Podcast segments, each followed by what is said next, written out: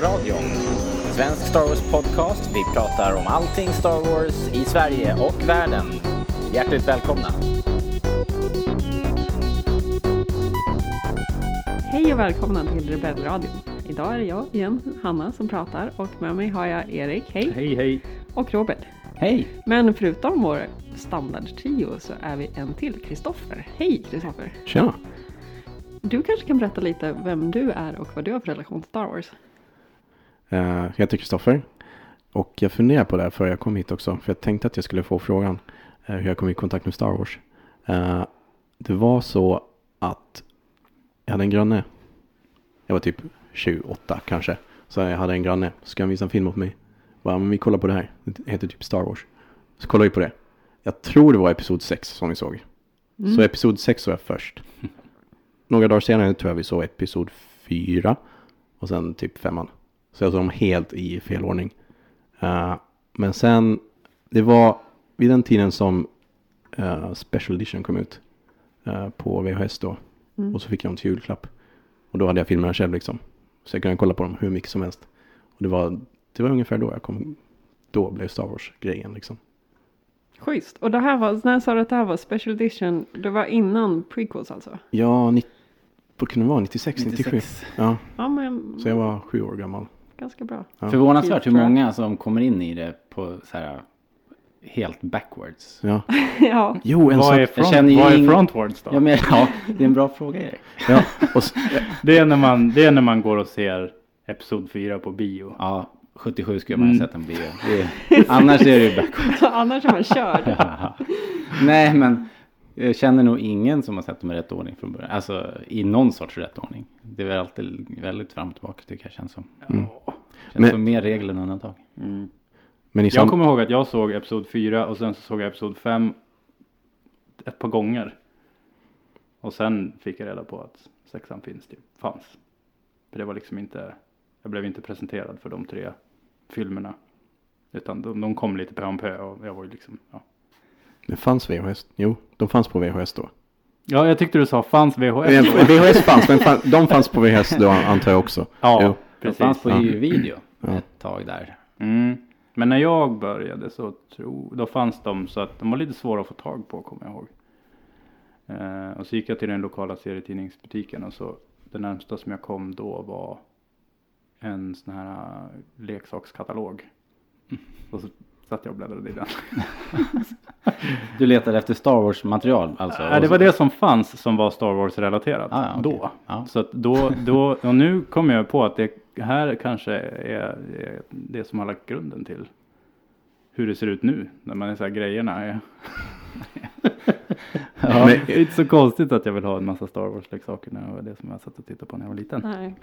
Men i samband med att jag såg filmen också så kom jag på nu också att jag hittade de här illustrerade bildlexikonen om Star Wars. Mm. Eh, bildlexikon, någonting hette de. Och där fanns det liksom en massa mer. Mm. Det, alltså saker som var med i filmerna, nu fick man veta historien bakom dem också. Ja, och det är liksom bara, jaha, det fanns mer. Det var mycket större där. Där liksom började, tror jag, ordentligt. Nu när vi pratar om de gamla filmerna så kanske ni tänker på de gamla filmerna som till exempel Rymdimperiet slår tillbaka och Jedins återkomst. Och vi fick reda på nu i veckan att eh, Episod 7, eh, The Force Awakens, inte kommer få en svensk titel. Eh, jag vet att du Robert var lite upprörd över det här. Vill du berätta vidare? Ja, jag är oväntat upprörd nästan. För, alltså, ja, men jag blev lite besviken. Vart jag. För att eh, vi har de här sex filmerna. Alla har fått en titel. Även om de ibland eh, det fnissas lite åt de här titlarna. Liksom. De är lite kitschiga. Ja, men Och, och, det- men det hör till tycker jag. Ja, jag jag håller hade med. ju jättegärna sett att de översatte den här.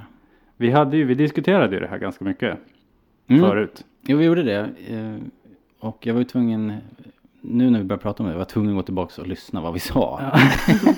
För det, eh, och, och det visade sig att vi hade ju stenkoll faktiskt. Japp. För vi, vi spikade redan för ett år sedan i november att de, de kommer inte översätta den. Mm. Och det ligger ju i tiden egentligen. Alltså hur många filmer översätts nu? Det är inte många och framförallt inte de här liksom actionfilmerna och sånt där. Det var väl inga Marvel-filmer egentligen som har översatts. Mm. Så att det är ju inte förvånad att de inte översätts. Men hade det inte varit roligt om den hette Myrmannen? liksom. Ja, Jag vet inte riktigt. Myrmannen blir också Swamp Thing nästan. Som är en annan superhjälte. just det. för, norr, för norra Sverige. Ja. Eh, nej men eh, jag tycker inte alls att det känns konstigt att de inte översätter det. Men, eh, men uh, som sagt Robert, du var lite upprörd. Det hade ju varit kul förstås att höra vilka, hur de hade översatt den här. Och visst, det är en, visst är det en tradition av de gamla filmerna. Men å andra sidan så kommer det sex nya filmer. Så det är ju inte så att, som att den här liksom sticker ut. De kan lika gärna välja ett helt nytt spår. Nej, om ett par år kommer den ju inte sticka ut liksom som ensam oöversatt eftersom det nu bara kommer forsa in nytt. Precis. Men det var inte så jättelänge sedan som eh, Det mörka hotet gick upp i 3D.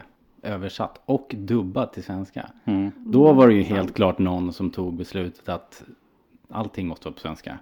Mm. Det blåser andra vindar nu kan man konstatera. Ja. Alltså jag tänkte lite på det där med, med att den här nya titeln och att det här har ju varit så här en, en rolig grej i svensk filmhistoria att se vad, vad filmer får heta. Det brukar ju oftast vara så att när det är eh, framför allt när det är en, en titel som är ett begrepp som inte är särskilt etablerat på svenska så brukar den ju översättas. Ja, då tar man någonting mera. Ja, och ibland så tar man någonting. Gångbart. Det är som den här filmen Equilibrium. Eh, Det är ju ett ord som inte är sådär jättevanligt i vanlig svensk engelska om man kan kalla det det. Då fick ju den heta Cubic. Mhm. För att det låter lite coolt. Och det är inte svårt. Jag vet inte varför de gjorde så. Men sen i och med de här Marvel-filmerna som du precis nämnde. När de, när de kom och det blev verkligen så här. Framförallt med Avengers kanske jag tänker på då. Mm. Att de slutade, då blev det inte, det fick inte heta någonting annat. Batman slutade ju heta Läderlappen för väldigt, väldigt länge sedan. Men med den, då blev det så etablerat med så här Avengers och Avengers och sånt där. Så att det blev så här, det blev helt naturligt. Så jag, jag känner mig inte ett dugg förvånad över att de inte översätter den här. Men jag håller med dig, jag tycker att det är lite tråkigt att de inte gör det. Det är lite fegt tycker jag. De har ju... För kontinuitetens skull. Ja, mitt annat. Ja. Men jag, jag tänker att det är liksom inte relevant. Jag menar när mörka hotet kom. Det hängde väl kvar tag liksom. Men sen så kom. Eller jag kallar dem alltid bara. Eller jag kallar den alltid bara The Phantom Menace. Sen kom Attack of the Clones. Och klonerna anfaller. Det lät lite kul sådär. Men sen, sen, sen med Revenge of the Sith. Då liksom mörkrets hämnd. Då bara. Då bara, okej nu har ni släppt bollen här. Det är liksom, de har, de lite- släppt den så totalt. Det var, det var inte en bra översättning. Så, Det är lite dödligt mord. Ja, liksom så. Jag hade till och med glömt bort att det var det de hette. Ja, alltså, det är ju världens plattaste titel. Där, där tror jag att folk slutade bry sig liksom. För de brydde sig uppenbarligen inte. Nej. Så, nej men gör det ingenting. Men eh, Robert, jag har hört att du har Eh, att din, din, din ångest över det här sträckte sig så långt så att du faktiskt tog kontakt med Disney. Naturligtvis. Du ringde inte bara P1. Nej. Nattpasset där. Prata av mig lite. Ja, det var det här med stjärnornas krig. Ja, det, det är nästan så jag känner att jag måste göra det nu. Ja. Nej, men jag, jag mejlade naturligtvis Disneys marknadsavdelning och undrade vad de höll på med där. Har du dem på så här eh, favorit dial. speed dial Ja. på Rolodexen. Vill ni veta vad de skrev eller? Ja. De skrev så här. Eh, Hej Robert. Precis, vi har valt att behålla den mäktiga titeln Star Wars The Force Awakens. Det är idag vanligt förekommande att behålla originaltitlar som en följd av den globala utvecklingen. Vilket du säkert sett på andra filmer de senaste åren. Vi söker ju idag filminformation på ett annat sätt än tidigare i och med Youtube, Facebook, sociala, sociala medier, bla bla bla. Eh, ja, bla bla bla bla bla. bla. De tycker att man ska söka informationen på nätet och då måste allting heta likadant. Ja, Vilket är rimligt. ja det Det, är låter rimligt. helt rimligt. Det är ju helt orimligt. Eftersom att om, för att om du googlar på Det bara, om du googlar på och för att om du googlar på Stjärnornas krig så får du ju upp 51 000 Star Wars artiklar. Ja, Det är bara larv. Fegt tycker jag. ja. Du får hitta på en egen titel. Då- Vad skulle den heta? På svenska? Ja, det är en bra fråga. jag, jag tycker att eh, jag tycker kraften vaknar funkar. Jag står ju fast vid det våras för kraften. Ja. Eh, det var inte lika bra tyckte jag. Nej. inte kraftens återuppvaknande så att det låter lite mer dramatiskt. Ja, det blir För många stavelser. Ja. Ja. Nej men alltså, så här är det. Det är, det är ju, folk eh, tycker ju att det låter coolare automatiskt Mm. på amerikanska. Och det kan jag också tycka emellanåt. Men, men det är inte mindre liksom styltat eller krystat egentligen. The Force Awakens, kraften vaknar. Det är bara, man måste ju gilla svenska om man ska gilla en svensk titel antar jag. Ja, alltså jag känner ju lite grann att det låter ju bättre eh, när man läser det för sig själv. Mm. Och när jag går och tänker på det. Men när jag säger The Force Awakens, alltså när, när, när de kommer in i ett, ja vi ska gå på bio, vad ska ni säga? Ja, vi ska gå och se nya Star Wars, The Force Awakens. Det går ju inte, så då blir det lite så här, ja The Force Awakens. det blir lite konstigt, och då tänker jag på när vi var och såg Rebels-premiären. Ja. För då var det ju väldigt mycket kids där och så var det så här, ja hej välkomna till eh, Rebels. Mm. Och det blir lite, åh, det Ja, blir, det blir, mm. Varför? Ja, nej det är ju, det är ju för att det ska vara enklare att söka på det såklart. Vilket trams. Ja. Men Eh. alltså jag, tän- jag känner så här, spon, spontant så är ju de svenska titlarna, de är ju lite så här, det blir lite Åsa-Nisse-känsla. Jo. Men det blir också lite, lite så här 80-tals yuppie-känsla att köra allting på engelska. Mm, precis. Jag tycker det är precis lika illa liksom. Jag tycker inte, Mm. alltså det, ja. Det är inte som att jag kommer, det finns ju andra saker att demonstrera om nu för Mm. tiden. Man måste inte ut på barrikaderna liksom. Men, men jag tyckte det var lite tråkigt. Mm. Lite fegt. En fråga här. Eh, Ja. Fick A New Hope en svensk titel annat än Star Wars? Eh, Kärnornas krig någonsin? Nej, Jag fick inte det va? jag tror inte det. jag tror inte att det är så. Nej. Det är nog vi som har hittat på i efterhand att den heter. Men hela A New Hope är väl en efterkonstruktion? Ja, absolut. Exakt. Mm. Men jag tror liksom inte att den har döpts om till ett nytt hopp. Nej. Eh, Eller så. Den heter nog bara Stjärnornas krig. Kan vi inte bara ta dem vid siffrorna så alla hänger med? Vi kör med förkortningar. TFA. Ja, alltså jag Rotier. har ju bara tänkt på dem som i episodnamnen. Om jag ska berätta hur jag har tänkt om Star Wars-filmerna. inte episoderna. Jo, bara. episoderna. Så att om någon säger så här, ja men klonerna anfaller, då blir jag lite så osäker på Mm. vilken av dem det gäller. Ja men jag är ju samma och så här, Empire och Jedi. det, är, Ja. ju- det är ju någonting jag nästan har lärt mig nu liksom. Ja, precis. Det kommer ju bli ännu krångligare nu när det kommer folk, eh, filmer som inte är episoder också. Ja, Hur ska du göra då? nej, det blir konstigt. Ja men åtminstone en är ju en komedi om Han Solo så Erik kommer ignorera det. Ja, det är ju tur att de, eh, det är tur att det är- kommer vara lätt att söka på dem på internet i alla fall. Ja, precis. Jag tror att eh, jag tror att opinionen mot det här beslutet är enorm. Jag tror, det kommer, jag tror de kommer ändra sig och eh, det blir Ja, jag tror de håller Men på det att är ändra sig väl för nu. att opinionen är ganska gubbig. och på tal om gubbigt så tänkte jag att vi kunde byta ämne. Ja. Till en annan eh, gubbfest i form av eh, sci-fi-mässan. Bra segway. Ah, Skräp. Ja, Ehm, nej men det har ju varit en sci-fi-mässa nu i Uppsala. Det har också varit en i Malmö och det kommer komma Comic Con senare i år. Och generellt sett så dyker det upp ganska mycket kändisar och inte allt för ovanligt så dyker det upp gamla Star Wars skådespelare. David Prowse dyker ju upp alltså kanske nästan varje år på någon mässa i Sverige eh, och sitter och muttrar för sig själv eller inför publik. Eh, det här året så hade vi självaste Big Starklighter som var där. mm. Eh, Erik, du var där och kikade eftersom du ändå gillar Biggs väldigt mycket. Hur kändes det? Ehm, jag har två del på den frågan. Två delar på den frågan. Två svar på den frågan.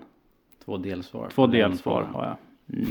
Och den ena det är hur det känns att gå på sci-fi-mässan och jag tycker ju att de är lite så här, man kommer ju därifrån och bara fan. Det, det är ju, det är inte bra alltså. Eh, Det är dåligt strukturerat och jag tycker att det är, det är lite så här. Eh, det är lite lokalt tivoli-känsla när det är en sån här stadsfestival och det kommer dit några lastbilar som smäller upp några liksom åkturer. Lite den känslan man får. Men allt det här glömde jag bort när jag såg att Garrick Hagon skulle komma. Och det är ju eh, en av mina hjältar. Så att det är ju naturligtvis så ska vi gå på sci-fi-mässan. Och nu var det i Uppsala för första gången. Och mässan i sig kändes ju lite fräschare. För att nu var det ju ett... Alltså jag tyckte ju att det kändes som ett lite högre tryck. Cosplayen som var där var ju, den var ju, ja var Star Wars relaterad så var den ju som alltid ganska hög standard. Eh, för det är ju våra goda vänner som är där. Men det var mycket, det var liksom mycket fräscha grejer och det kändes, det kändes liksom, det var ju lik, det var lite trött men, eh, men lite bättre än vad det hade varit. Däremot så de här, eh, när de här skådespelarna kommer upp på scenen så blir det ju så, det blir så, uh, skämskudden är ju liksom inte långt borta. För att det första som händer det är att han går upp på scenen och sen så är det liksom det, det är en gymnastiksal och scenen står på ena sidan av gymnastiksalen. Och sen så är det, och det, nu till, till deras eh, räddning då så pratar vi om kortsidor, inte långsidor. Eh, så den står vid ena änden på ena kortsidan och på den andra kortsidan så är ju läktaren. Och där sitter folk och väntar på att han ska komma upp på scenen. Mm. Och jag tänkte så här, ja men då sätter jag mig här och så väntar vi tills han kommer upp på scenen. När han kommer upp på scenen så går vi fram. Och så kommer han upp på scenen och så, och så, och så går jag fram. Bara Ja. Och han var så här, good. och så vänder man sig om och så sitter alla liksom på andra sidan. Och så bara så här, Inga stolar i mitten där då? Eller? nej. Nej, okej. Utan det är ju stor publik för det är ju en stor skådespelare. Ja, Så, ja. och, så, och så det första som de säger I det din är värld är det en stor skådespelare som står pu- Ja, men han har ju publik varit med i. Star Wars. Det Ja. är ju även om man skulle ha, ha spelat liksom i en bortklippt scen eller något sånt där så är det ju det är stort liksom. Det är ju stort. Men då, och då Men- blir, Det, är ju, det är ju inte första gången som det här händer på Nej. science fiction-mässan. Och vi har ju gnällt lite förut att Mm. De inte tar vara på de här situationerna speciellt bra. Mm.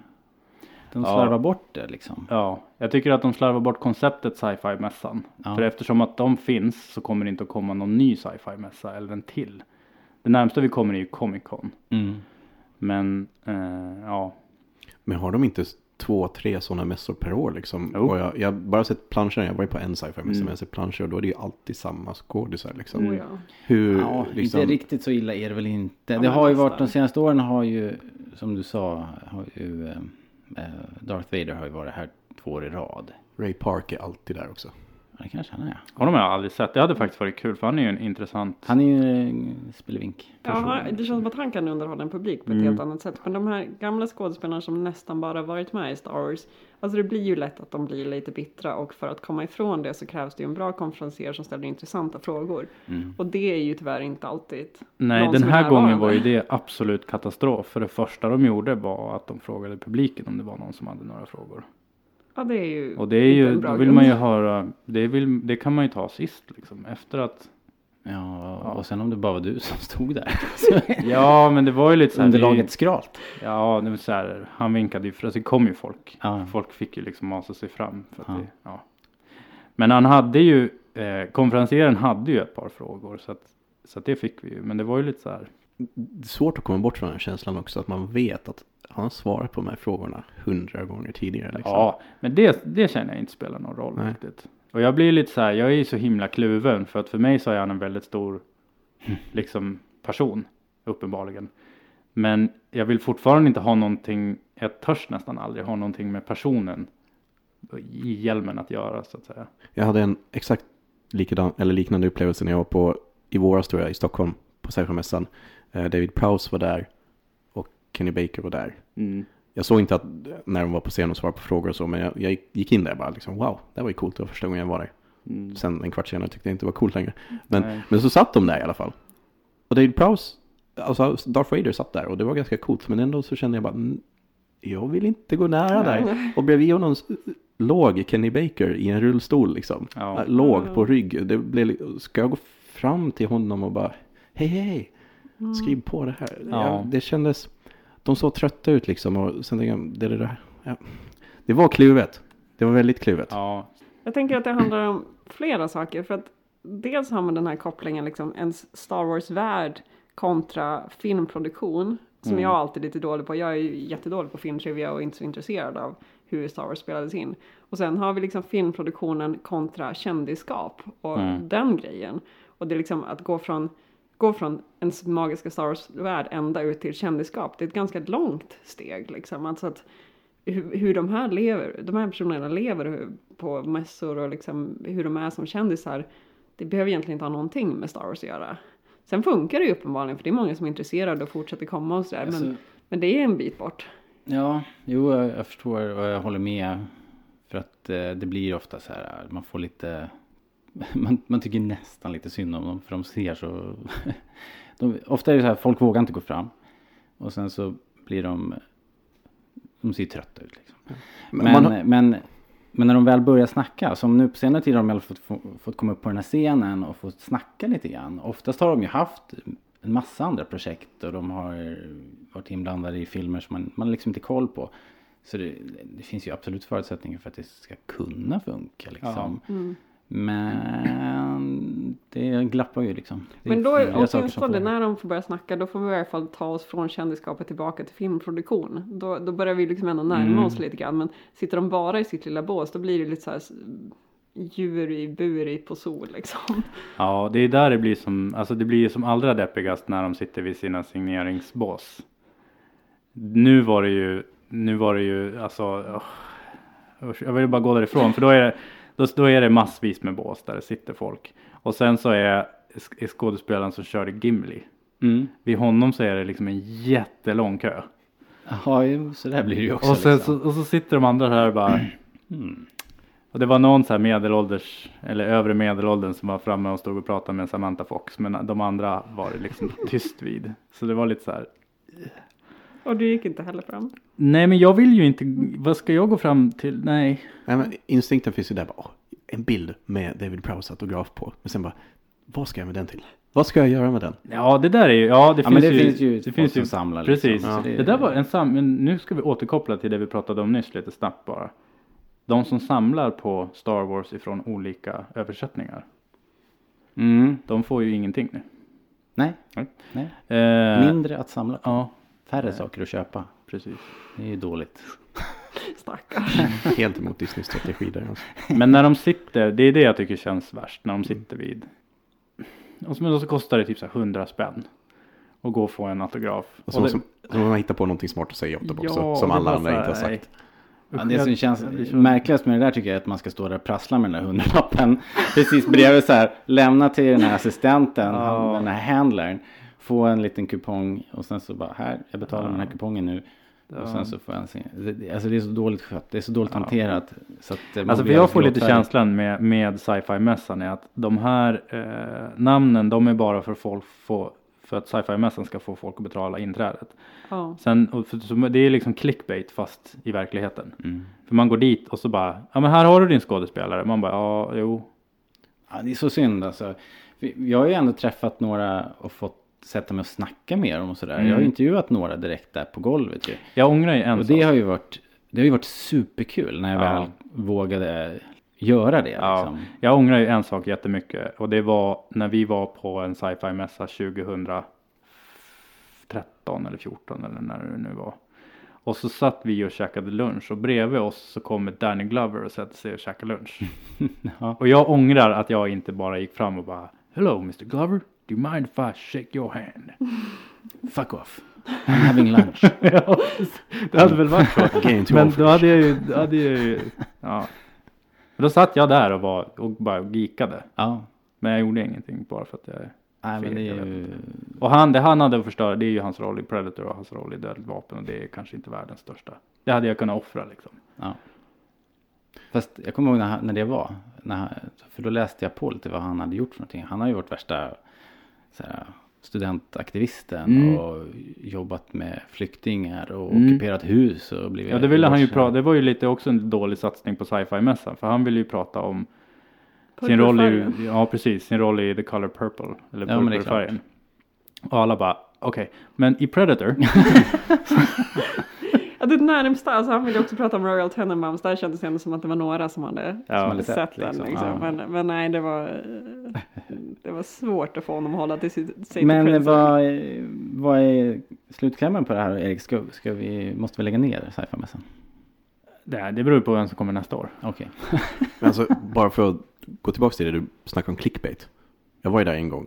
Och jag tänkte bara, åh det här blir coolt. Men sen kom jag in dit. Och det finns ju inget annat att göra där än att köpa saker. Nej, Det är allt. ja, tyvärr. Så visst, om man har massor med pengar att spendera. Men en hel mässa liksom. Jag tänker att det ska vara någonting mer. Ja. Jag skulle säga att en av de andra attraktionerna är ju 501st och Nordic Garrison, alltså de som är Star Wars Ja, utklädda. För Helt att klart. de är så pass proffsiga. Nu tror jag inte de var så jättemånga här i Uppsala, men liksom när de har sin eh, Alltså när de är 20-30 stycken och de har sin liksom ceremoni där de går igenom hela mässhallen Paraden, och ja. sånt där. Det är ganska mäktigt Mm. och är ju som ett event i sig. Nu, nu råkar ju de göra för välgörenhet liksom, men, men, men där blir det ju någonting, slags, någonting konkret som är på Mm. schemat och då har de frågestund så kan de berätta om sina kläder och sånt där.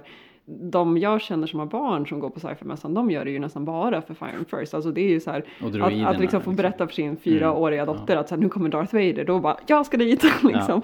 Sen så blir hon ju alltid livrädd för Darth Vader och får, får bara leka med R2D2 istället. Mm. Men ändå liksom att, att det blir ju ett event för många andra och framförallt för barn liksom. Så, Ja. att, eh, så ta, skulle de försvinna då blir det ju verkligen bara köp och sälj. Men, eh, men de har ju ändå, ger ju någon slags substans i de här Men mässorna. det var inget prova på så här nu i Uppsala? Alltså grejer man kunde testa eller spela eller liksom? jag tror brukar att det var någon Jag eh, tror att Ludo ljussabel Sport var där. Ja just de skulle ju vara där. Och hade Det någon, eh, för de gick omkring och fäktades. Men det är ju åldersgräns uppåt, vad man säger.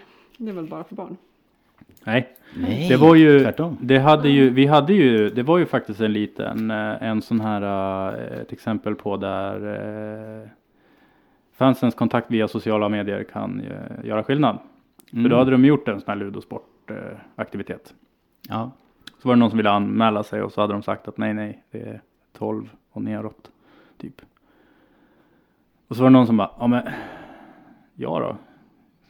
Hon var väl, jag kommer inte ihåg hur gammal hon var. Mm. Men då hade de fått, eh, då hade de ändrat det. Så att nu fanns det för barn och för vuxna. ja, ja. Mm. ja Bara det för var ju barn. bra. Så det är kul att höra. Det. Eh, och jag tror ju att intresset är ganska stort bland vuxna också. Barnen tycker ju Ja men att alltså det är hur coolt vi var ju och provade ludosport och det är ju, det är ju för vuxna. Mm. Här var det ju inte så här ludosport, lightsaber combat, utan här var det ju liksom ljussabelträning, Ja, hette det. Det kände, det var lite så här dojo-känsla på det. ja, ja absolut. Alla som har lyssnat på Ludoradion från Mm. några veckor sedan vet ju hur eh, fruktansvärt hårt vi tränade. Nåja, eh, är vi klara med sci-fi-mässan kanske? Ja. Ja, jag tror det. Hi, this is Ashley Eckstein, voice of Ahsoka Tano from Star Wars The Clone Wars and founder of Her Universe, and you're listening to Rebel Radio.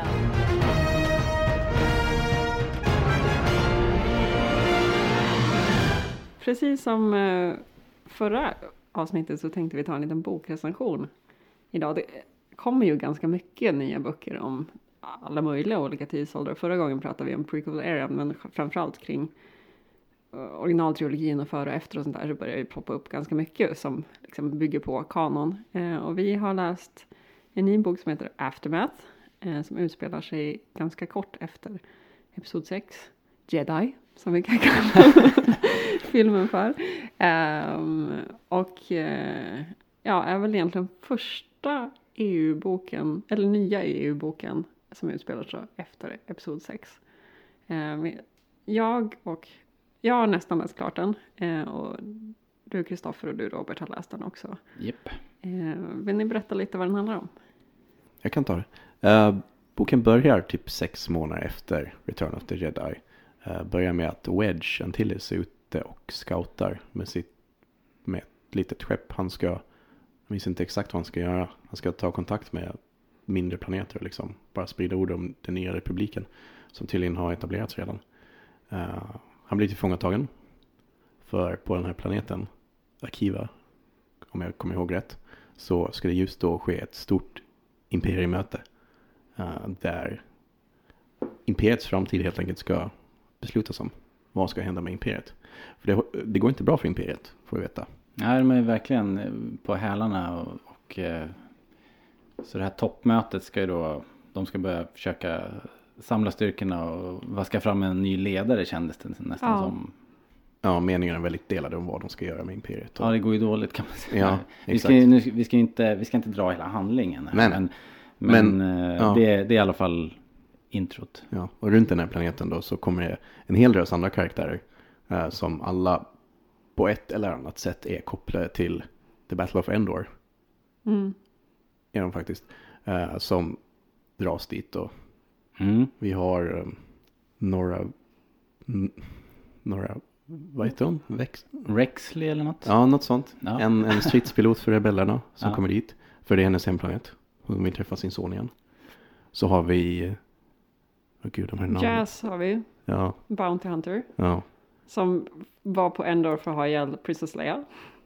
Har väldigt svårt att se att det händer men ja, så är det. Eh, som då har kommit dit för att eh, hon har ett, en ny Bounty helt enkelt. Ja, precis. På en, på en av de här imperiemoffarna. Eller vad det är. Som är där på mötet. Och så har vi uh, Singer. Just det. En före detta så kallad loyalty officer i, hos imperiet då. Som helt enkelt, hans jobb var att fastställa allas lojalitet till imperiet. Jaha. Men han är nu mest uh, full hela tiden. Han, han är ju också så här, han har också så här posttraumatisk stress efter Endor. Och, eh, Just det, det är därför han är full. Och, så, och lämnade väl i princip eh, Ja, han, han eh, svängde väl där och liksom slutade vara lojal. Det var väl inte alltid så medvetet heller. Alltså han, han, han satte ju på sig rebellkläder på Endor för att lite kunna fly. För att det gör det som. Ja, alltså, det kändes mer som att han fegade ur och bara eh, kapsejsade och stack. Eh, men i och med att han inte riktigt är kvar inom imperiet och vi vet att han inte riktigt kan komma tillbaka som en desertör så, så hamnar ju han längre och längre från imperiet. Vad ska man säga, ideologiskt också. Eh, så vi har ganska många olika karaktärer och det här är ändå de som är huvudpersonen då inklusive Norras son. Sen har vi rätt mycket sidospår också. Ja, lite lustig uppbyggnaden då. Den är som eh, uppdelad i, i ja, kapitel, kanske inte så jäkla unikt för en bok. Men, men däremellan så är det som mellanspel. Ja, och då droppar man in lite här och där i galaxen. Det är, vad det nu är, Tat- Tatooine och det är... eh, Naboo och det är Coruscant. Ja det är, visst, det är lite... Ja, det är ju kända platser för oss. Men det är ju utspritt liksom och väldigt korta bara inblickar in i invånarnas liv Ja, där. dels i nya republikens skapande och sen liksom hur, hur fighten går mellan alliansen och eh, Mm. imperiet på vissa små planeter och sådär.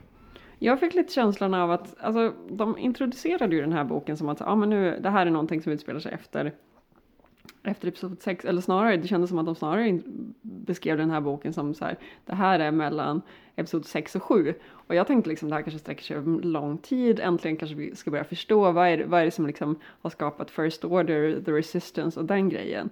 Eh, men istället så får man någonting som är e- väldigt, väldigt kort efter episod 6 liksom bara liksom efterdyningen av det. Och visserligen är det intressant, men det är ju absolut inte någon slags uppbyggnad till sjuan. Och lite för att kompensera för det så känns det som att författaren fick lite så här uppdrag och här, ja men gör lite sidospår om vad som händer med Han Solo. Eh, bara för att vi ska få någon slags eh, känsla av att vi är i Star Wars-galaxen och liksom få se vad som händer. Det är lite så jag känner för att huvudhistorien är ganska intressant och väldigt kompakt tidsmässigt. Mm. Så att liksom för att vi ska få någon slags annan känsla så tar de lite Naboo och Coruscant. Nej, jag skulle inte hålla med om att det, hur historien är intressant. Alltså jag tyckte den var, visst, alltså jag läste ju med förväntan om att det skulle komma till någonting. Men det kom ju aldrig till någonting. Eh, men där blev ju de här interludes, eller mellankapitlen, det var ju de som var, där fanns det material för spekulation liksom om, om Star Wars-galaxens framtid. Där droppas det ju massa Easter eggs och, och eh, ganska mycket små intressanta hintar. Så jag håller med faktiskt att eh, själva huvudhistorien, nu har ju i och för sig det här början på en trilogi. Så att eh, det kanske blir mycket mer intressant. Men jag hade också förväntat mig ett mycket större grepp liksom. Ja. Eh, men en sak jag tänkte på lite grann, eh, det är ju ändå att så här, vi är kvar, vi är ju så pass kort efter eh, Endor så att vi är fortfarande kvar i Imperiet. Visserligen utan en ledare och det går lite kast, men Imperiet finns kvar. Eh, vi har rebellrörelsen som har blivit New Republic. Och sen swoosh, swoosh, swoosh 30 år senare så har vi First Order och The Resistance. Eh, vad, vad, vad tror ni hände däremellan? För det känns ju så fint. Det är liksom New Republic, Demon Mothma är Chancellor och liksom de har en plan och visserligen inte så mycket resurser men det känns liksom ganska mysigt allting. Och sen bara, jaha, First Order. Det, det där kapslar in hela grejen med boken. Att, att det där som bygger framtiden för Star Wars. Det finns på två, tre sidor. det är några kommentarer där från en karaktär på det här imperiemötet.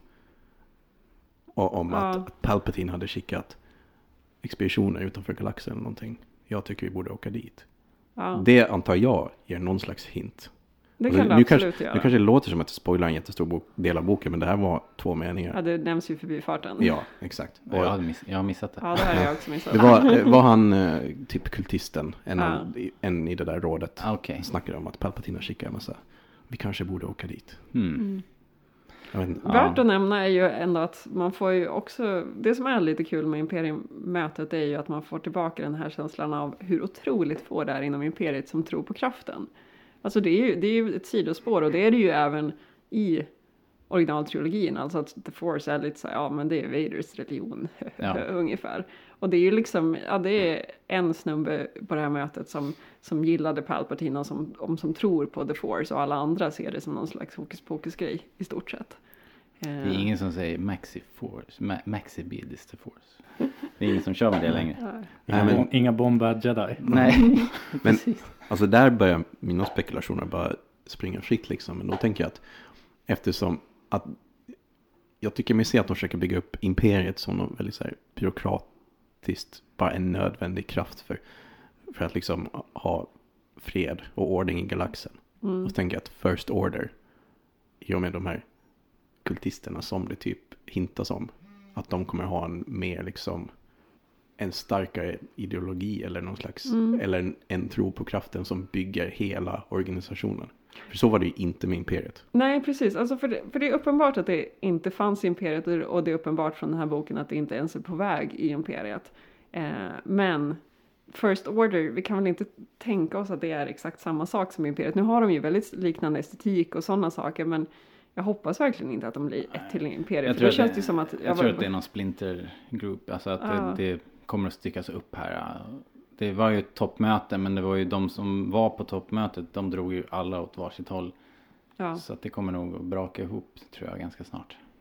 Men, det, men det, det är en intressant grej det du säger Kristoffer, att det kanske är, alltså, ja, det heter, filmen heter en Force Awakens, vi vet att han som pratar i första trailern är ju ändå en First Order-ledare, så att det är ändå liksom någon, att, att den personen ändå pratar om The Force antyder ju lite att First Order är kanske mer kopplade till kraften än vad Imperiet har varit. Ja, det är någonting med Kylo Ren också. Han är inte Sith, men han är liksom sådär. Det, Ja, det är någonting att det är fler som har liksom behärskar kraften på något sätt och de är, jag vet inte, det är Ja, spännande. vi får se. Men man får veta så himla, himla lite. Det är det. Verkligen.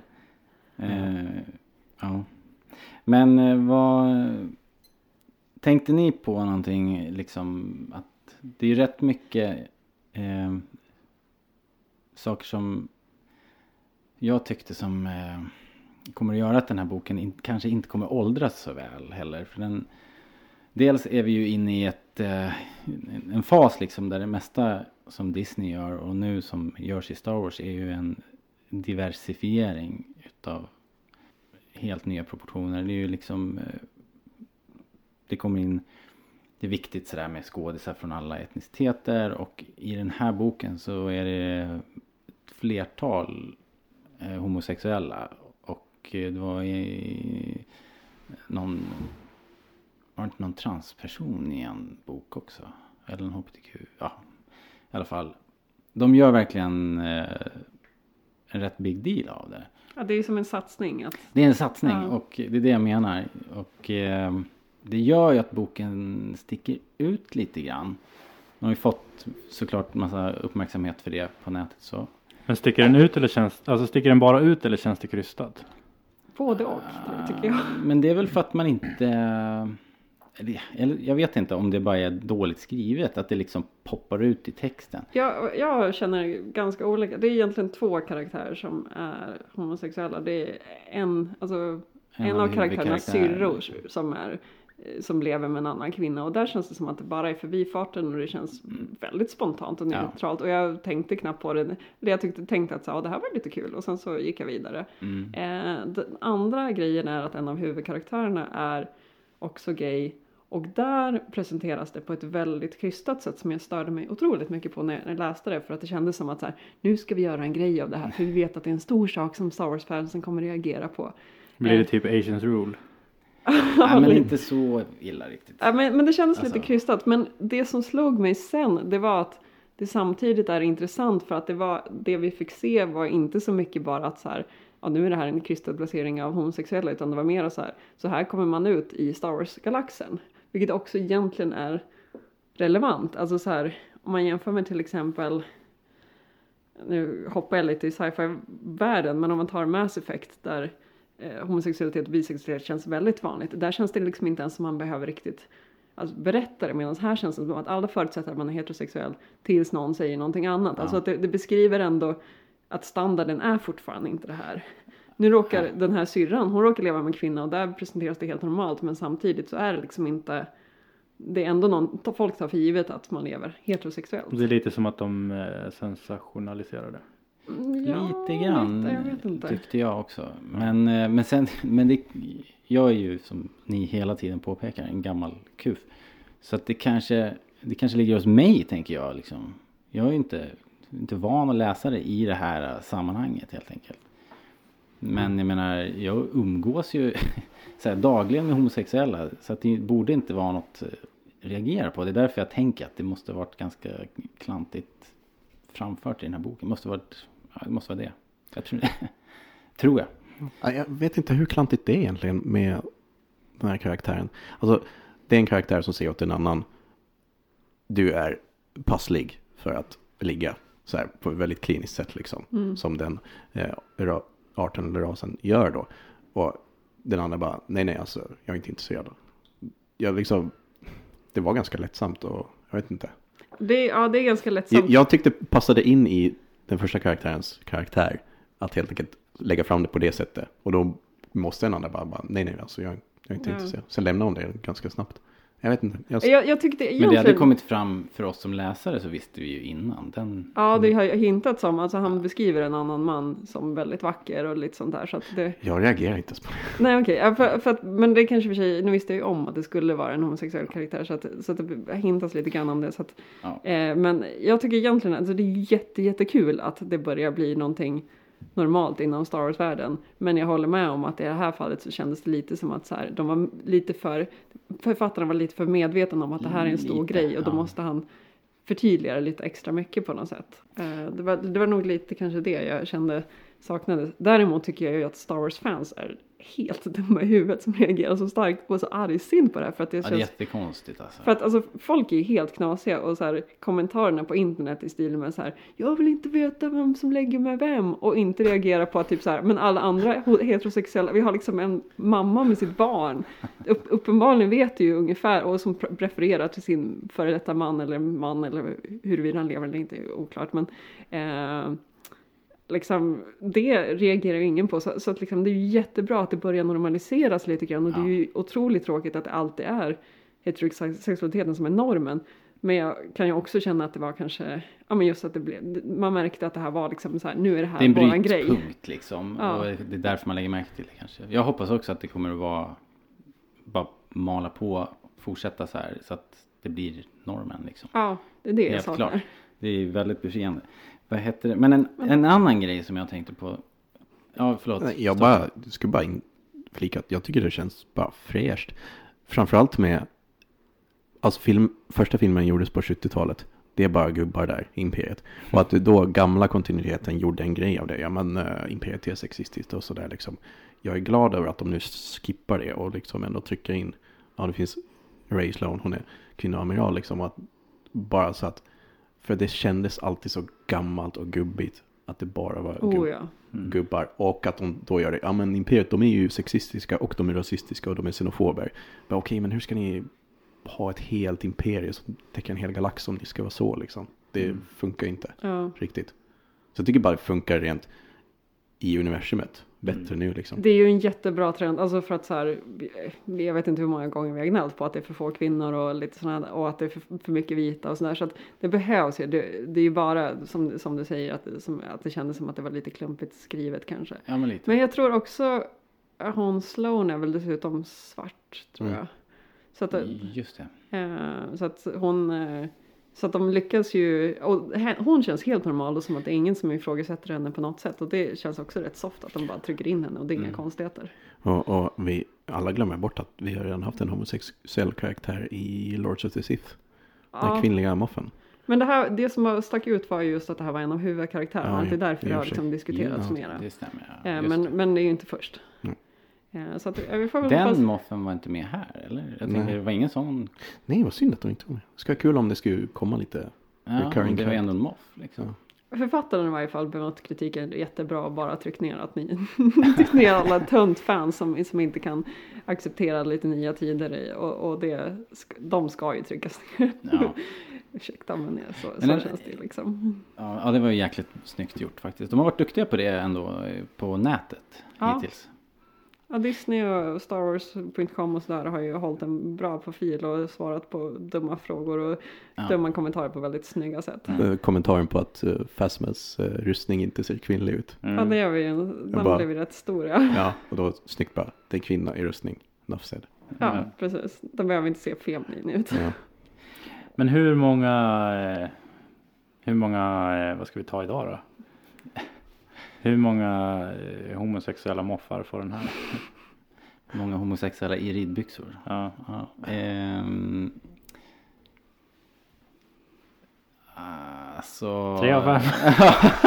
Fan, jag, jag fastnar ju alltid eftersom jag vill ge den en trea nu. Det hänger i luften. Du får ge den tre av fem. Ja, det blir en trea. Du då? Jag, jag har, jag, alltså jag ogillar inte att läsa boken. Och jag, men det var alltid väntan på att det skulle hända någonting. Ja. Nu när jag är klar med boken och ser att boken slutar på samma punkt som den börjar. I stort sett. Så liksom, nej, två liksom. Ja. Två av fem. För det, jag ville ha en story som, som, det, som tog liksom allting någonstans. Här, Ja. det bara, nej det blev inget med det Det här. var mycket exponering. Alltså, Ja. Du då Hanna? Um, jag är väl någonstans däremellan. Jag tyckte, tycker att den är ganska underhållande. Jag har ju lite kvar av den. För det, det, själva huvudstoryn är det rätt bra drag i. Det är bara att den kanske inte är så fokuserad på resten av universumet. Jag får ju hela tiden jättemycket rollspelsvibbar av det här. För att det känns som ett, så här, ett speciellt skrivet äventyr där du inte får gå för nära liksom, resten av Star Wars-galaxen. Det här är ju ett problem när man är, om man till exempel gör tv-serier eller som i det här fallet liksom rollspelsäventyr. Att du kan ju inte, du kan inte slänga in Leia i varje rollspelsäventyr eller Luke eller någonting. Det blir helt orealistiskt. Så att istället måste du göra sidohistorier som bara snuddar vid grundstoryn. Och det här är ju precis en sån. Så den skulle ha varit svinbra om det var ett rollspelsäventyr. eh, och, och, så det gör väl att jag på något sätt tycker det är underhållande. Men om man förväntar sig att den ska på något sätt beskriva Star Wars mellan Episod 6 och 7. Då blir man så besviken. Ja, att den skulle våga ta oss någonstans liksom. Ja. Det, ja, nej. Så att trea för handling, tvåa för kontexten kanske. ja, får, får man göra så? Okej. Jag tror de sålde boken fel helt enkelt. Ja, jag tror det också. Ja, det känns För det här, är känns inte, det här är inte bron mellan 6 och 7 liksom. Nej. Det är, det är en teaser. Utdragen till en bok egentligen. Jag tänker mera en epilog på Episod 6. Alltså jag har ju inte läst den här boken men jag har ju hängt med när ni har diskuterat den och läst den och hade jag inte hört titeln så hade jag gissat att ni satt och läste någon av de här X-Wing böckerna som jag satt och traggade. Ja, men, ja. Ja, de är ganska lika med det i den synen. exakt alla grejer som ni säger nu. Det är precis så som, eh, så som de böckerna. Men tänk om, eh, det ska ju bli en trilogi i alla fall. Det kanske bara är, det, kan, det kanske blir bra. Men, Kan ja. bli bra. Tror ni att karaktärerna kan hålla uppe en trilogi? Eh, alltså, ja men det kan de nog. Eh, alltså vi har precis lärt känna dem. Så att, så att varför inte? Den bästa karaktären är tyvärr inte med. Mr Bones. Ja, det var min, det var min favorit också. Det var en höjdpunkt i boken Det var ju faktiskt. svinbra gjort i, i ljudboken också. Han, är, han är ascreepy röst. Och, Vi kan nämna Mr Bones är alltså en ombyggd B1 Baldroy, alltså den här Roger Roger från prequels-filmerna. Och man kan ju tänka så här, det här måste vara det töntigaste som finns. Och den är alltså ombyggd till att vara motsvarande den här stridsdroiden i Knights of the Old Republic ifall någon av er har spelat det. Alltså asball, jättefarlig och aggressiv och liksom. Typ dansar ihjäl folk. Ja. Bara jättegraciöst. Så att det, det är faktiskt höjdpunkten i boken tror jag. Och också har, alltså den heter väl Mr Bones för att den delvis är omgjord av gamla Nej, benrester. den, den är iklädd ben. Som Iklädd, så han liksom ja. benen... det, hänger en massa Ja. fiskgräns på den. Typ. Det, är, det är mycket bisarrt. Och den skrattar så här. eh, eh, som när batteriet håller på att ta slut i en kassettbandspelare. Liksom. Så, det låter väldigt bra. Ja, i, boken, i, liksom i boken textform så är den bara skriven som att allt han säger är i versaler. Men, eh, men det är roligt att höra. Ja, ljudboken är helt bananas. Han låter ju fullständigt eh, galen liksom. Om Mr Bones kommer tillbaka till en två så kan jag läsa det. Ja, han får ju även ett, alltså nu rätta mig om jag har fel, men det om jag minns rätt så får han ett astromech-ben som en, Mm. en arm också, vilket är liksom, det blir, det blir bara värre och värre med denna karaktär. Men eh, nu var det här ett sidospår, men alltså om du vill läsa boken så, så det här är en av anledningarna tror jag, för det är en riktigt ball karaktär. Men, men sen är det en grej som, som, och det här är ju ute på nätet redan i alla, om ni läser en online recension så står ju det här redan. Det, det är en av de här små eh, grejerna, eh, vad heter, vad heter det, interludes grejerna som, där, där vi får hälsa på lite här och där i galaxen. Det är en, en sån är på Tatooine. Mm. Och där kör de med mm, att det är så här rovgruvdrift på Tatooine efter, eh, efter jedi. Och det har vi sett i spel och så i annat gammalt EU också, eller hur? Eh, och eh, så vi får följa en eh, från något gruvbolag som är där och letar, letar prylar hos eh, Javas. Och eh, i en- någon låda där så hittar han en Mandalorian-rustning. Ja, det ligger liksom vraket efter Jabbas sail barge och så, så i en låda så ligger den här Mando-rustningen. Lite sönderfrätt. Och då har jag läst att folk tar det som att okej, nu är det kört, Boba är borta. Liksom. Oj, nej, That's det it. borde ju vara tvärtom. Det borde ju vara Hur ska de ha tvärtom. fått tag i en rustning som Ja. ligger i en Så sån? han måste ju ha tagit sig ur. Ja, men rustningen var kvaddad så han lämnade den liksom. Eller hur? Ja. Det är Ja, väl de- så man måste tolka det. Ja, nu har, de etablerar också att den rustningen har inget värde för honom. Han har bara samlat bitarna från olika håll liksom. Ja, han har bytt ut det nu. Ja. Liksom. Så, Ja, för det känns ju som en jävla meck att hålla på och fiska upp en halvkass eh, liksom Mandalorian-rustning från en Sarlacc. Det känns som Ja. liksom... Och I den, här, I den här boken, nu gäller ju inte den längre, men eh, Tales of the Bounty Hunters.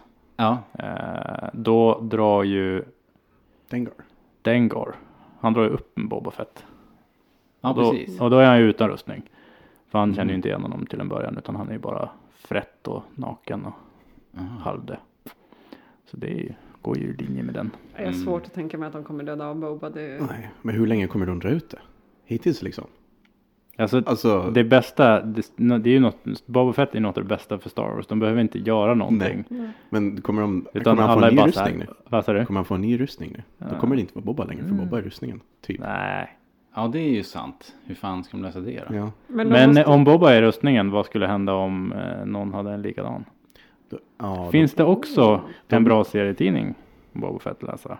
The Imposter Boba Fett. Den heter ja, inte det. Men det det, där finns har ju nog, eh, den, den idén har nog liksom funnits. Mm. Fast om Bobba ska till, komma tillbaks vill jag se att det är Temuera Morrison som spelar honom. Jo, ingen, tack. annan, ingen annan. Nej. Nej. Det ska ju vara den riktiga Boba Fett. Ja. Men, eh, och det är ju men det är ju kul med grejer. Och eh, på tal om grejer. Så eh, hade vi ju ett jättekonstig, eller en jättekonstig Star Wars högtid.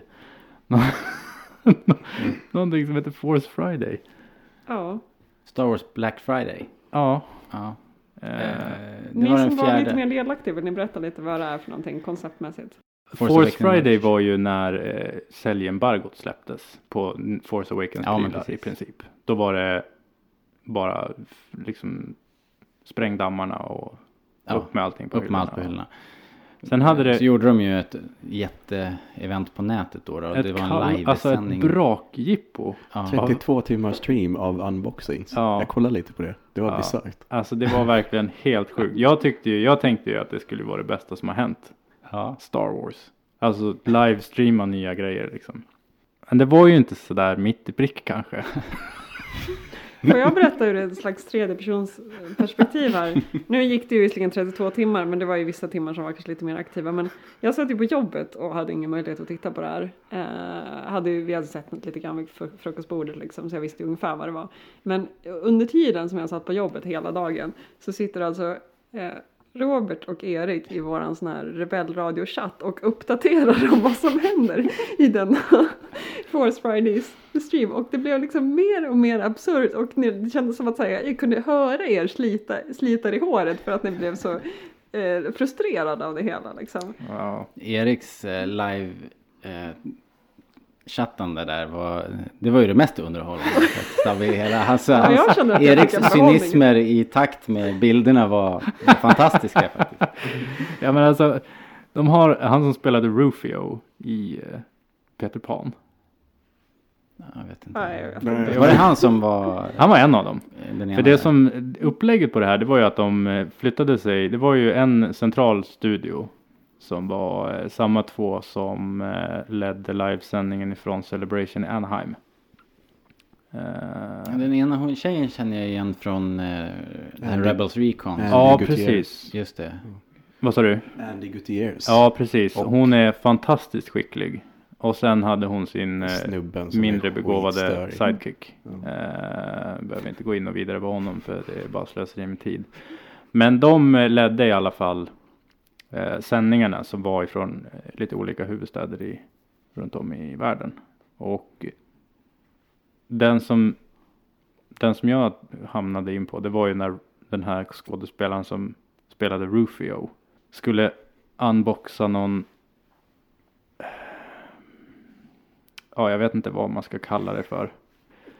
Det är helt Det är alltså- blank i blick. Ja, och jag tänker jag gick ju in, eh, jag gick in med inställningen att, att det skulle vara 38 timmar Black Series. Ja, Eh, ah, var det den här bil, bilarna? nej, det här var inte bilarna. Ja, De var kan vi komma det var också en Ja, höjdpunkt. de kan vi komma till sen. Eh, om ni tänker er en sån här, vad heter de som man hänger ovanför bebisar så att de ska vara Mobiler. En sån här mobil. Ja. Där det hänger en massa TIE fighters. Ja, men Och i- det här är den jag tänker på. Man och i skulle mitten- knocka ner så. Och i mitten av den där så har du någon sorts boll och ifrån den så går det ut en arm och ute på den här armen sitter Millennium Falcon. Så gick det en sladd till någon handkontroll tror jag det var och den, då, med den handkontrollen så kan man styra, för då, då snurrar Millennium Falcon runt, runt, runt så här. Och så kan du styra upp och ner och så ska du slå omkull de här TIE Fighters som hänger en bit ut. Det var som brickor man skulle knocka omkull på något sätt. och, Ja. Ja. Är det här en mobil för en bebis? Nej, nej. Eller, nej okej, för jag blev väldigt förvirrad. Det här, liksom. det var bara- Det är mobil, men den är gjord för vuxna eller? motordriven som snurrar runt så här. Eh, nej, utan den var, nej, den är inte gjord för vuxna utan, eller det kan, det kan, nu ska inte jag säga för mycket här. Ja. Men den ska inte hänga bara för en bebis? Nej. nej. Mm. Inte vad jag, jag tror inte det i alla fall. Och han stod och skulle dema den här. Och så hade han typ sönder den kanske tre, träffa gånger. Och det var liksom så här, oj, oj, oj, oj. Oj, nu gick den så, så ramlade någonting ner på golvet och så måste det var bara så här. Herregud, och de slutade liksom aldrig med sändningen heller. De Det har var ju väl- sin halvtimme som de måste köra. Ja. Och så skulle han köra på med den där och så var det ju också så här.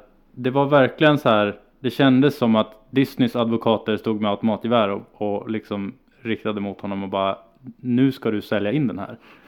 Och han var så här. Åh, det här är så jäkla häftigt. Åh, vad häftigt det här är. Det här, alltså, kolla, har ni Man varit med om paniken någonting? i ögonen liksom. Det kändes ju också märkligt nog som att de aldrig hade sett grejerna förut. På Nej. riktigt. Ja. Det, var, det var liksom hemligt för dem. Det ska vara Ja. genuint ju. Och sen så var det att, och, sen så berättade han också att man kan köpa ännu finare TIE Fighters. Som en expansion till det här spelet. Ooh.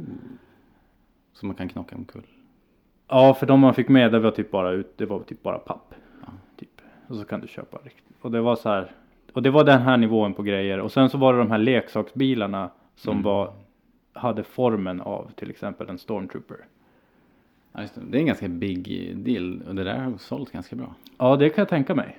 Eh, och jag satt ju där och mitt, mitt ansikte smälte ju bort i ren... Eh, men då fick jag lite av ett uppvaknande för det här var ganska skönt för att nu visade de eh, vilka fler som de riktar sitt Star Wars åt. Att det inte här bara är, jätteintressant. ja precis, att det inte bara är eh, Han Solo åt gubbarna. Utan det är leksaker som jag inte kommer att begripa. För att de pratar ett språk som jag inte förstår. För vi har ju däremot så- pratat ganska mycket om det här. Ja, däremot så finns det ju en hel annan grupp som pratar det här språket. Mm. eh, Med de här leksakerna. Men jag tror fortfarande inte att det var bra presentationer. För sen kom de även till Lego. I Korea va? I Korea. Det var fantastiskt. Och då var, De, de, de hoppade ju mellan koreanska och engelska och liksom helt förvirrade. Det var ju som, Bara, Åh, så mycket bitar! Ja, och bara, Det är så mycket det är bitar! så himla mycket bitar. Och det var ju som att de här, de här, de här tjejerna som skulle, som skulle, som visade den här, de, det var ju nästan som att de höll på att börja grina för att de inte, det verkade som att de skulle bygga ihop den där och då. De hade nog tänkt det liksom. Ja, de Vi trodde bygger nog ihop det. den. Ja, och Så så, bara, bara, "Ah, det är för hur fan gör man? Paniken i ögonen. när Ja, man ser att verkligen. det inte går på en halvtimme. Och sen så ska, och var femte ord är wow, very cool. Och så bara så här, åh titta en påse med lego. Och en till Och så bara gräva, gräva, gräva, gräva. Och så bara, en till påse med lego. Men Wow! var i de här olika länderna var det liksom, eh, det var inte engelsk native speakers utan det var Nej. olika representanter för olika länder eller? Ja, det var det lite grann. Det, var, det var verkade, verkade ju också vara... Det var lite blandat tror jag. Fransmännen några- körde ju bara på franska. Ja, spanjorerna också. Aha, okej. Spanjorerna körde bara Mm. på spanska. För då, spanjorerna var ju ganska roliga för då hade ju de en, något, något av sina YouTube-fenomen. Mm. Höll i den. Ja, just det. Samma sak var det i Tyskland och den var ju nog den som var roligast att se.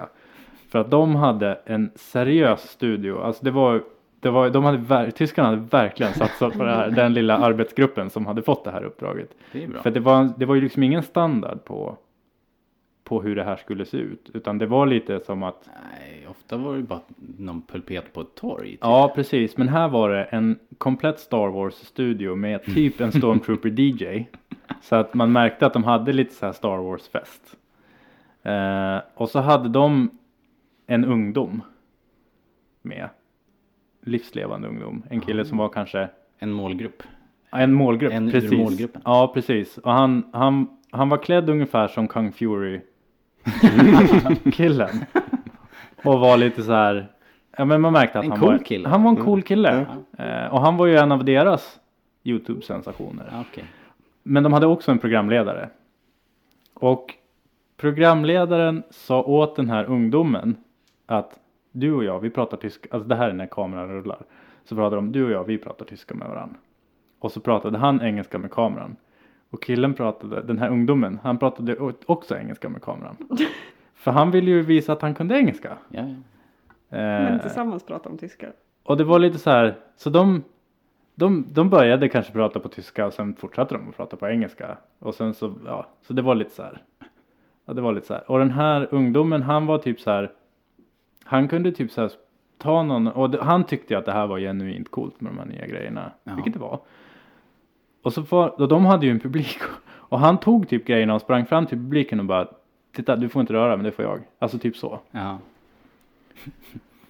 Och där sitter jag i Sverige och tittar på en livestream av det här och bara Nej. Men det känns ju som vi kan enas om att själva liksom presentationen var ju helt kass. Alltså Robert, du följde ju lite också eh, antalet tittare. För att på något sätt så kunde man få uppgifter om. ja. Ja, det var ju på YouTube så det var På bara... Youtube ser man ju hur många som kollar och Ja. eh, jag såg också Jag började kolla runt lite vad reaktionerna var och eh, det var, det var ju inte bra liksom. Det de, hade ju 000 var det. pikat, de hade pikat på tror jag 9000 Och och sen- sen, gick det bara ut för Sen gick det bara ut för. Så det var, Ja. det var uppenbarligen en katastrofpresentation. Men däremot är det ju liksom det som är intressant är att se vad är det för grejer de presenterar. För det här är ju egentligen inte, alltså de har, nämnde lite så här Black Series som är lite högre kvalitet. Men annars är det ju liksom, det är ju saker fokuserat för barn nästan. Det är mycket leksaker och lite sånt där. Så att det är något helt annat än vad vi kanske är vana vid att se. Ja. Eh, liksom, det är inga collectibles eller sånt där.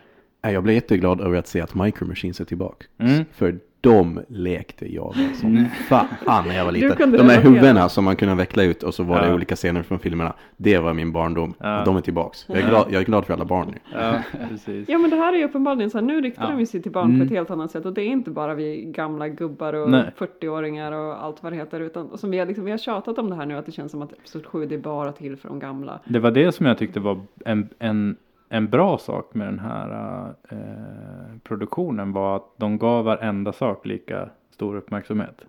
Ungefär. Så att det var liksom inte att Ja, det var samma hype kring ljussablarna som Ja, till för det Black var ju Series. ett par figurer som var ungefär som Black Series fast de var typ gjorda i titan. Och det var ju så här. Det var ju några av de finaste grejerna, som, några av de finaste Star Wars-prylarna som jag har sett. Och den, den pratade de om lika mycket så som de pratade om de här Stormtrooper-formade bilarna. Mm. Det var kul. nu när jag tänker efter. Var det inte lika mycket hype när episod 1 kom? Där var det så otroliga mängder merch, kommer jag ihåg. Ja. Men sen episod 2 och 3 så tappades, trappades det av Mm. jättehårt. Vad, vad talar för att det inte blir samma sak en gång till? Jag tror att de eh, har... Eh, det är mer avvägt nu. Det, man kan inte tro det när vi pratar om det här. Men det är inte riktigt samma. Inför episod 1 var det ju helt bananas. Och eh, liksom, jag tror att det, det finns säkert fortfarande någon hangar med så här Jar Jar Binks leksaker. Liksom, som aldrig blev sålda. För det fanns ju hur mycket som helst. Och det höll på hur länge som helst innan också. Nu är vi ju ändå rätt nära. Det är idag tror jag 83 dagar kvar Mm. till premiären. Och eh, det är precis som att det börjar dra igång nu. Så att... ehm, Ja, vad var det Nordic Garrison hade skrivit på sin hemsida? Att det är typ 12, 12 helger eller? 12 fredagar kvar. Ja. Och vi kommer inte göra så många poddar till innan det är dags. Nej, det är kul. Ja, nu får de visa den här filmen snart. Jag funderade ju på om jag inte skulle bara lägga in om någon sorts medicinska skäl. Att jag måste se den nu. Jag orkar inte vänta längre. Alltså, hela grejen med Force Rider var lite bisarr. Men jag åkte ändå in till science fiction-bokhandeln i Stockholm. Tänkte bara, åh, jag ska kolla vad som finns. Det enda de hade var Aftermath-boken. Fanns inget annat. Ja. Så jag har fortfarande inte riktigt Men gick du in till BR eller Toys R Us eller något sånt där? Ah, nej. För det tror är att det är ju, där det är det ju där du ska vara. Ja, Ja, men på lördagen då fanns det ju fortfarande inga grejer. Okej, så de ligger lite efter. I stan, där jag Numera var. finns Ja. det ju på Toys R Us och Ja. Och lite sånt där lite överallt. Men det är möjligt att det- de inte hade så bra Legot drag. ploppade ju upp. Ja. Men jag tycker att de har annat. gjort, eh, alltså det är ju riktigt kul att vara, när man går och handlar, när, vi, när jag gick och handlade på min eh, lokala matbutik. Mm. Då är det typ, jag tror att det är Pepsi Max eller något sånt där som har någon Star Wars drive. Och så kommer man in, när jag går och handlar på min lokala matbutik. Så är det life size cutouts av stormtroopers i butiken. det är ju roligt. Det är ju så Vi jävla kanske ska roligt. säga att det här är alltså, när vi pratar lokal butik, det är alltså en pytte, pytte, pytteliten butik. Det är I liksom skogen. en- I skogen ja, det är inte Ja, någon... Var det nya eller gamla Stormtrooper? Nya, Ja. såklart. Ni har väl paxat den? Ni har gått till dem och sagt att Det ni vill vi ha den? göra. Ja, vi skulle Så, så gjorde jag när Ja. Star Wars kom på DVD första gången. Ja, Så fick jag den eh, Ja. Darth Vader cutouten i naturlig storlek. det är smart att göra så. Ja. Det är kul att ha. Det är Man kan Den är, ja. den är häftig. Men, eh, och då är det ju, då, där och då var det ju någon sorts uppenbarelse för mig att nu, nu är det på riktigt. Ja, Alltså när det inte bara är att jag måste gå och söka upp det på mitt speciella ställe. är det är överallt. Alltså för att Toys R Us Star Wars avdelning, den har ju blivit ett, ett shrine. Vad heter det på svenska? eh, en... Eh, Ett altare. ett altare. Ett altare. Oh, för, eh, eh, för här. Star Wars. Det är alltså riktigt, det är väl, väldigt snyggt. Eh, med med ja, ännu finare cutouts och väl, väl, eh, well stocked. Först så står jag och pratar om hur dåligt det är att prata engelska. Har, har du fått hjärnblöd? Ja, jag tror det. Ja, men eh, utav, utav alla produkter som kom Mm. ändå. Mm. Vad, är, är det någon som har köpt något? Jag köpte nya core-setet i X-Wing Miniatures Game. Ah, som har det. skepp från Episod 20. Det är ju rätt safe. För den, Ja. en X-Wing är ju en X-Wing. Liksom. Ja, exakt. Ja, men jag har inte spelat med dem. Nej. Jag köpte dem. Nej, Du då? Har Jag du har inte, nej, jag har faktiskt inte eh, köpt något. Men det, det är kanske mest för att jag har varit så jävla pank. Ja. Alltså det var så vansinnigt otajmat. Du har inte, så inte ens en, en Star Wars-läsk? Nej, de har jag inte sett än. Nej. Men det skulle jag nog kunna kosta på mig. Eller om Där kommer var det Star ju Clone Wars, så det något. vet man ju. Ja, det var inte det konstigt förresten? Att den här Star Wars-läsken. alltså ja, men de det har väl dragit fram något gammalt lager. Som jag hittade. Oj, här Ja. står det läsk. Kom nu ihåg att spara alla burkar också. För de här kommer att samla objekt om några år. Liksom. Ja, Varenda en liksom. Oöppnade liksom. Ja, nej men öppna det också. jag menar, det finns fortfarande så här grejer man fick i flingpaket från episod 1 som jag tror folk ger ja på pengar tal för. om det så såg jag en, jag såg några som hade satt sig ner och pratat med några sådana här ekonomiska rådgivare. Och eh, de hade konstaterat att Lego Black Series är en bättre investering än guld. Nej, inte Lego Black Series. Ja, Lego just- Ultimate Collector's Sets Ja. är en bättre investering än guld. ja, jag såg det. Det är Mycket coolt. bättre. Ja. Lego hade ju typ gått upp 12 procent. Och eh, guld hade väl typ stått still de Ja. senaste fem åren. Precis. Hur många sitter du på? Vad säger du? Hur många sitter du på? Hur många sitter jag på? Alltså, Noll i det skicket. Inga som är inte Ja, oöppnade. Nej precis. Jaha, och det är ju det. ja. Det är Ja. ju att och det ska vara oöppnat och sen så ska det vara vakuumförpackat torrt. Gud vad fjantigt. Men jag funderar bara på det här med Force Friday. Jag ska inte säga så mycket som jag inte är en merch-person. Men jag hade lite förväntat mig att liksom, i och med alla nya leksaker så skulle liksom, vad ska man säga, vanliga personer få upp ögonen för nya Star Wars-filmen och sånt där. När jag liksom rör mig runt bland, vad ska man säga, vanligt folk som inte är super Star Wars-intresserade så tycker jag fortfarande att det finns en stor okunskap om att det knappt, alltså det är knappt så att folk vet om att det kommer en ny Star Wars-film, man vet definitivt inte när den kommer och sådär. Alltså att även om det har sprutats ut leksaker så vet jag inte riktigt ifall det har liksom slagit igenom än. Nu är det väl kanske lite för att man inte köper saker som man inte vet någonting om, men ni som också rör er bland annat folk och så här, Robert du var ju barn och sådär, Ja. verkar det liksom börja hypas Ja, det någonting? börjar komma. Det, jag börjar få frågor. Hur Okej. är det egentligen? När kommer det? Vad är det som Mm. kommer? Mm. De har, de, eh, det kom, den stora smashen kommer väl när de börjar köra den innan. Eh, när det kommer en trailer. Ja, när kommer en Mm. riktig trailer? För det finns det faktiskt inte någon. Nej, när Men den är det kommer. inte lite sent? Eh, Ja, jag kan tycka att det är lite sent. det börjar bli dags. Det, är- de har sagt höst och eh, nu är det höst och det kommer ju Comic Con om, Ja. om ett par veckor. Precis, och då kommer I den att gå innan biofilmer. Men sen så tror jag att den också kommer att göra en stor karriär innan videoklipp på Youtube. Mm. Och då, eh, då kommer det nog att bli. Jag tänkte när, när, när det börjar gå tv-reklam och du jag så efter. Det är ju när den går upp på YouTube såklart. Ja, fast det, jag tror ändå tv-reklam gör nog en del Ja, jo, för, jo, för- Fast det är klart när de här börjar surra på, på Facebook. Och, Mm. Ja, det är klart det är då då det drar igång. Ja. Men Hanna, det här med just med leksakerna och allting. Vi har ju en, eh, en kille på Facebook som eh, skriver och så aktiv på, på Rebellradions sida på Mm. Facebook. Och han, han är butikschef på BR i Karlstad kanske. Okej. Och eh, så, så vi var på honom här och bara, när kommer grejerna och får ni in Black Series eh, 6 inch? Han bara, ja jo nja, alltså vi säljer ju grejer till barn. så, här, så att jag tror det är det som är disso- dissonansen här. Dels så har ju inte filmen haft premiär, det är ingen som vet vad det är för någonting och sen så säljer ju de grejer till barn, Ja. tydligen. Så att eh, Alltså, det kommer säkert inte mycket, mycket mer fan snart. om jag håller med, men eh, han sa säkert så. Han sa så. Mm. Han borde ju veta. Jag tror inte att han menade det. Alltså man, man får väl gå och kolla i vad heter det, specialbutiker. Som typ serieaffärer. Eller science fiction bokhandeln. Där har de Black Series-figurer. Alltså, Inte många. Alltså Nej. nu är det bara Obi-Wan kvar men de ja, finns jo, där. men det är ju på. De finns där. Det, är, Ja, han är- det speglar ju. Mm. På Toys R Us så är det varannan Han Solo och varannan Obi-Wan. Obi är en pegwarmer. Lite oväntat. Ja, Ja, ja.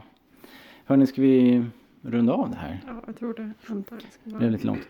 Men eh, apropå sociala medier. Och vi finns ju på Facebook. Det är ju facebook.com slash rebellradion. Och eh, skriv gärna, hör av er. Och, eh, eller på Twitter eller på mail. Eh, At Rebellradion på Twitter. Rebellradion podcast at gmail.com är mejlen. Ja, en smidig e-postadress. Mm. Eh, eller så kollar ni in, om ni vill ha nyheter och sånt där, så kan ni kolla in våran eh, blogg på rebellradion.se eller som sagt Facebook. Ja. ja, men det var väl allt för idag. Jag tror det. Ha det bra allihopa. Hej då! Hej då!